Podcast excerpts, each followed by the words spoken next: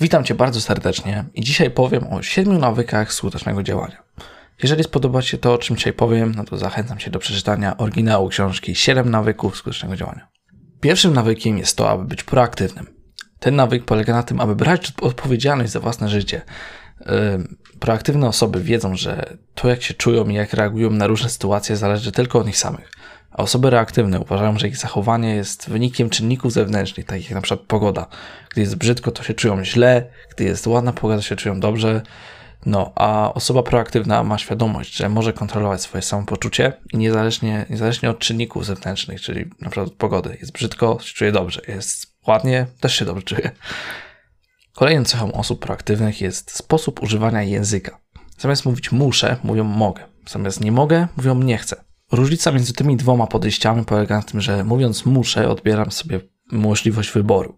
Podczas gdy mówiąc mogę, stajemy się, czujemy się bardziej swobodni i no, jakbyśmy mieli możliwość wyboru. Gdy mówisz na przykład mu, muszę iść do pracy, czujesz się zmuszony do tego, a jak mówisz, że chcesz albo możesz iść do pracy, no to, to, to już lepiej.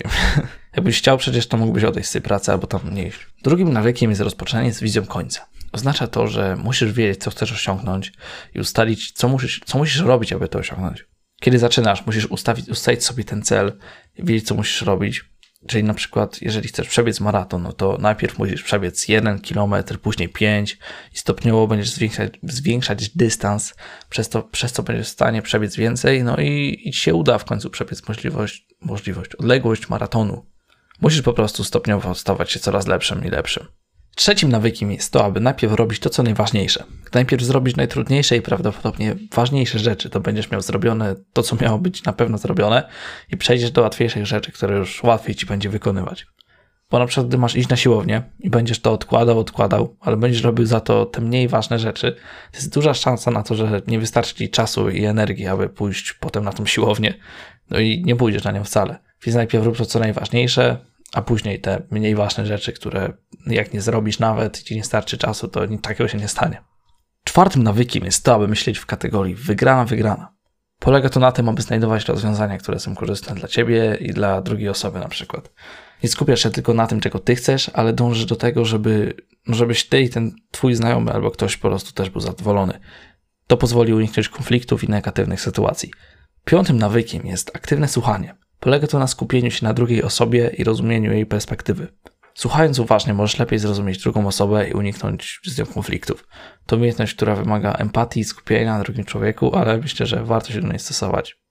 Więc słuchaj innych i czekaj, aż skończą mówić, żebyś ty mógł powiedzieć. Szóstym nawykiem jest synergia. Polega ona na współpracy i tworzeniu czegoś większego, co nie byłoby możliwe samemu poprzez współpracę możesz osiągnąć lepsze wyniki. Na przykład, jeżeli dobrze ci idzie nagrywanie, ale za to nie umiesz montować filmów, no to gdy je zlecisz komuś, no to, to, to będą one lepsze i ogólnie będziesz miał lepsze filmy. I ty będziesz zadowolony, ta osoba będzie zadowolona.